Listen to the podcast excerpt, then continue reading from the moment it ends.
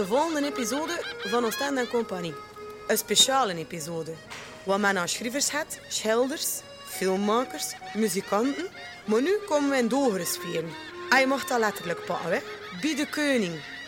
Leopoldijn en Leopold II. En bij hun maîtresses. Claude Blondel vertelt over de royals in het mondaine Oostende.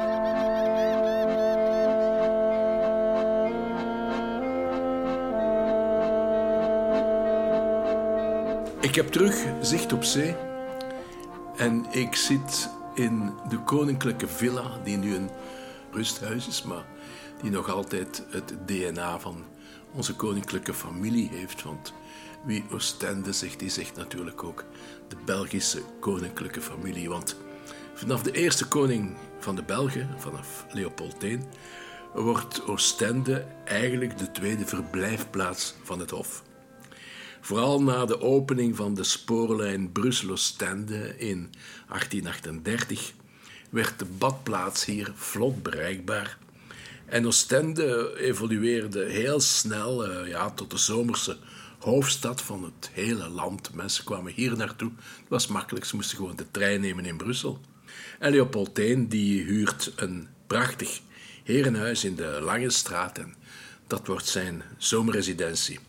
De zomerresidentie van de hele familie en vanuit de Belvedere bovenaan kon de koningin Marie-Louise naar de zee kijken. Dus zij was heel populair bij de bevolking, onder meer door haar filantropisch werk. En uh, ze richtte crèches op en scholen. En uh, na haar overlijden op 11 oktober 1850 wordt de crèche Marie-Louise opgericht en ieder jaar vond in het kursaal een verkleed kinderbal plaats ten bate van deze crèche. Een kinderfeest dat zo'n Leopold II niet wou missen, want ook als kind al was Leopold II een duchtig vijfnummer.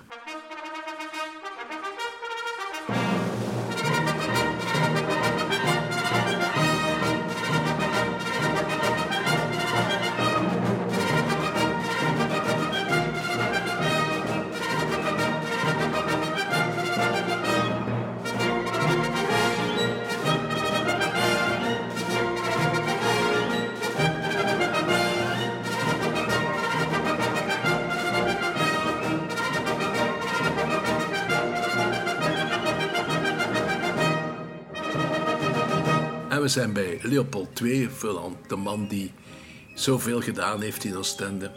Het is iemand die heel graag in mondaine kringen vertoeft.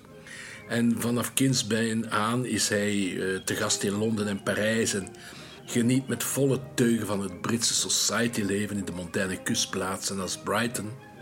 En hij vindt dat België, hij zegt waarom moet je daarvoor altijd naar Engeland trekken?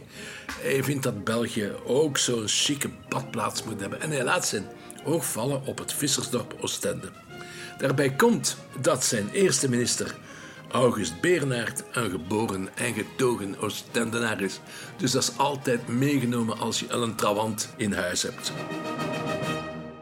In 1865, het jaar van zijn troonsbestegging, beslist de regering het statuut van Oostende als vestingstad op te heffen.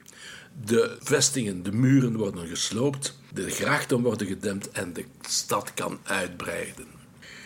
En dan gaat het heel snel vooruit. De dijk wordt 30 meter verbreed, dus de mensen kunnen gaan flaneren. Er moet een groter station komen. En vooral, dames en heren, het cursaal moet een heel luxueus cachet krijgen. Het nieuwe cursaal komt in 1878 op zijn huidige locatie te liggen en werd gebouwd in Oosterse stijl met koepels en minaretten, een balzaal, een casino en houd u vast, zelfs een bibliotheek. Want cultuur werd niet vergeten, dat was nu eenmaal chic. Maar Leopold II zorgt ook voor zichzelf en hij bouwt een eigen zomerverblijf, niet langer in het centrum van Oostende, maar op de grens van Mariakerke. Voor zichzelf laat hij chalet in hout bouwen en voor de koningin één in baksteen. En dat zegt genoeg over hun gearrangeerde huwelijk, want de twee leefden en sliepen apart vanaf 1892.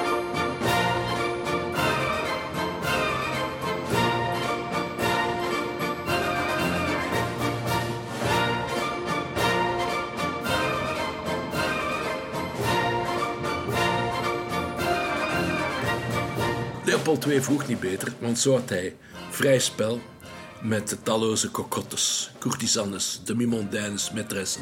Noem het zoals je wil. Ik las laatst nog een mooie uh, benaming van cocottes. Ze noemden die ook in die tijd les grandes horizontales. De vrouwen die hun leven doorbrengen, liggend, meestal starend naar het plafond. Een van die beroemde liefjes van Leopold II was Cleo de Merode voluit Cleopatra, Diane de Merode. En je hoort het al in de naam. Cleopatra, de Egyptische koningin. Diane, de koningin van de jacht. En zij was danseres en een van de meest flamboyante verschijningen tijdens de Belle Époque. Kunstenaars konden haar niet loslaten. Toulouse-Lautrec schilderde haar. Edgar Degas, Félix Nadar maakte portretten van haar. En Gustave Klimt, met wie ze een korte relatie had, die portretteerde haar. Ze was de favoriete van de Parijse bon monde, had veel invloed op de etiketten van haar tijd en zij was première danseuse bij de Opera van Parijs, dat is dus niet niks. En zij maakte gewoon furoren. In 1896 gaat Leopold naar Parijs en hij ziet haar in Aida en is compleet van de kaart.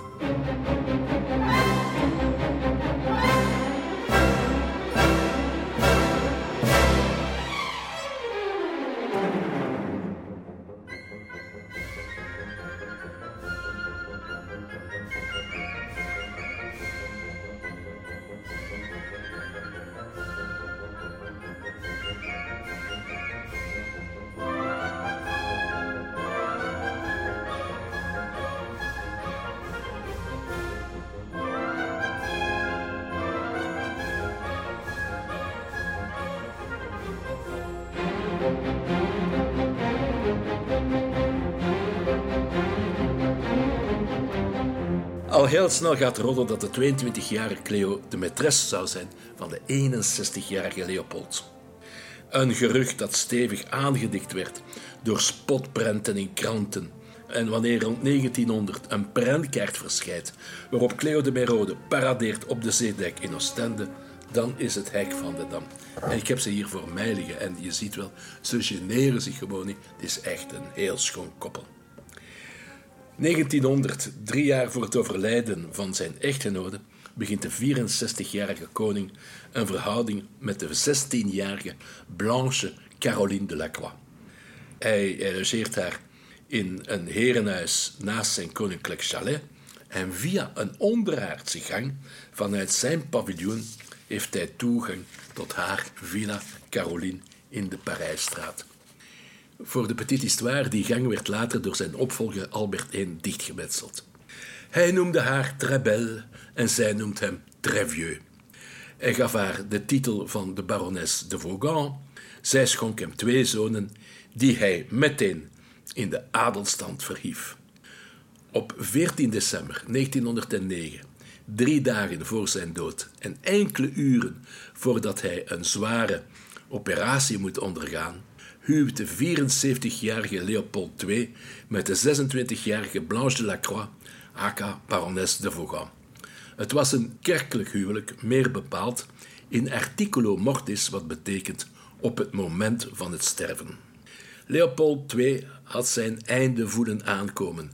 Tijdens de huwelijksplechtigheid had hij aan de aanwezigen zijn vrouw Blanche voorgesteld: Monsieur, voici ma veuve. In de nacht van 17 december 1909 overleed Leopold II. Op zijn sterfbed had hij zijn laatste wet ondertekend, die van de militaire dienstplicht.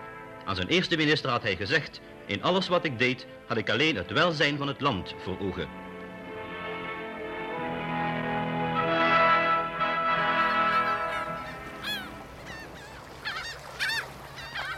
Claude gaat weg uit de koninklijke villa aan de Galerie en je wandelt naar het centrum. Naar dat borstbeeld van de grootste politicus die Oostende heeft voortgebracht, Auguste Bernard. Hij minister onder Leopold II en winnaar van een Nobelprijs.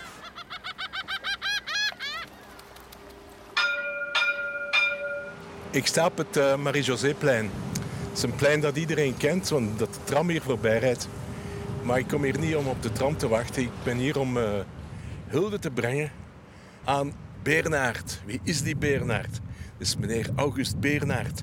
Leefde van 1829 tot 1912. Ik zal maar direct met zijn grootste wapenfeit van wal steken. Hij is de eerste Belg die een Nobelprijs uh, mocht ontvangen. En dan wel de Nobelprijs voor de Vrede. Geef toe, als je nog eens in Oostende bent, kom hier even een al dan niet nationale hulde brengen aan die meneer Bernard. Als jongeling droomde hij uh, van kunstenaar te worden, nog een schilder bij in Oostende. En uh, hij volgde met heel belangstelling de schilderlessen die zijn zus kreeg. Zijn zus, hoe heet ze weer? Uh, ze heeft een mooie naam hoor. Eufrosine. Eufrosine Bernhard is trouwens een Eufrosine Bernhardstraat in Oostende. En hij volgde heel, heel geïnteresseerd die, die lessen die zij kreeg. Maar uiteindelijk, ja, schilders, voor een jongen, dat, dat was nog dan in een mooie bourgeois familie. En hij studeert rechten. Hij studeert rechten en hij komt in de politiek terecht onder de befaamde Leopold II. Een figuur die toch wel heel uh, belangrijk is voor Oostende. Hij wordt minister en hij steunt Leopold II in gans de Congo-politiek van hem. En op een bepaald moment uh, zal Leopold II hem bedanken en zeggen: Si le Congo existe, c'est grâce à vous. En hij kan zorgen dat het parlement uh, de, de gelden losmaakt die Leopold II zal nodig hebben voor zijn veroveringstocht in het Zwarte Gebied.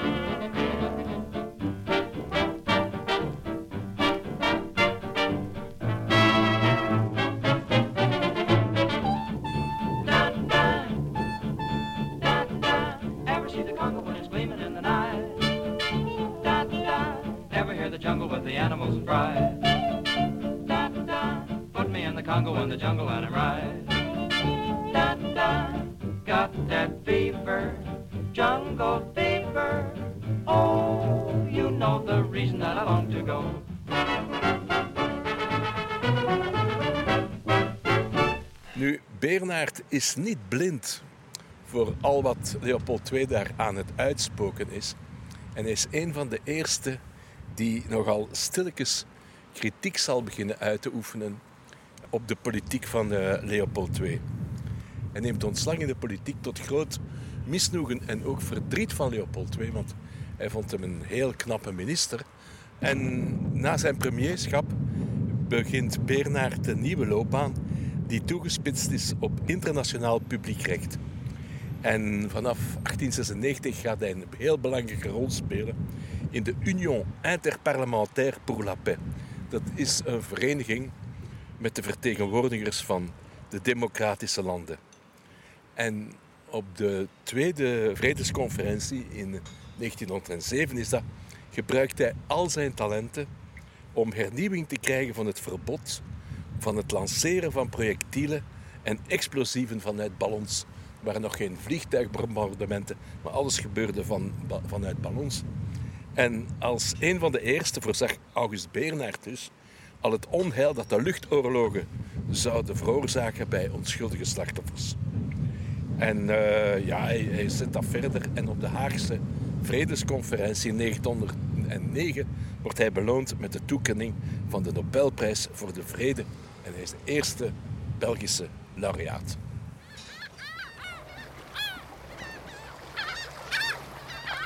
Voor de laatste halte in die episode gaat Claude Blondel langs de galerien tot aan de drie hapers. Alzo namen we dat in Oostende. Die drie bogen aan dat standbeeld van Leopold II. Ik sta hier eh, op de dijk aan het standbeeld, ruiterstandbeeld van Leopold II. En uh, ja, dat is zo'n typisch voorbeeld uh, van de koloniale kunst. Het is hier gebouwd tegen de arcades die de Oostendenaars de drie gapers noemen. En het is een hulde aan de geniale weldoener Leopold II. Ik citeer, het zijn mijn woorden. Die. Leopold II die geëerd wordt, houd die vast, als bevrijder van de Congolezen, want hij redt ze van de slavernij van de Arabieren. En als weldoener van de Oostense vissersbevolking. Dit monument werd door koning Albert en koningin Elisabeth inguldigd in 1931, toen de kolonisatie van Congo haar hoogtepunt eh, bereikte. Uh, nu kijken we dat natuurlijk helemaal anders tegen. Uh, en ik, refereer gewoon naar een, een karikatuur. Want Leopold II door zijn excessieve levensstijl was natuurlijk een dankbaar onderwerp voor spotprenten. Ik heb hier een karikatuur voor mij van het Engelse blad Punch. Is heel vreed en heel juist. Leopold II en Blanche hadden op een bepaald moment een kindje, een zoontje, waarvan het armpje een beetje misvormd was. En die cartoon in Punch toont koning Leopold II met dat uh, kindje met het gebrekkige armpje. En de titel is Gerechtigheid is geschied. Want rond hem staat een koor van zwarte kinderen met afgesneden handen en armen en voorarmen die slachtoffers zijn van het Red Rubber offensief. Nu, die Leopold II, aan de ene kant vind ik een, het een vrolijke snuiter met al zijn, al zijn avonturen en heeft ook een, uh, een zekere grandeur. Uh, Brussel en Oostende hebben veel aan hem te danken. Maar aan de andere kant heeft hij die grandeur groot gemaakt op toch wel een crapuleuze manier. En heeft hij toch werkelijk een bloed. En heeft hij toch werkelijk een spoor van bloed achtergelaten.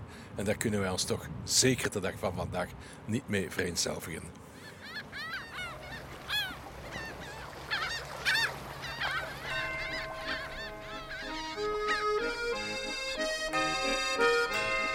Oostende is de koninginnen der badsteden. En daar zijn we preus op. Op de koning die hier gepasseerd zijn, niet Hassan.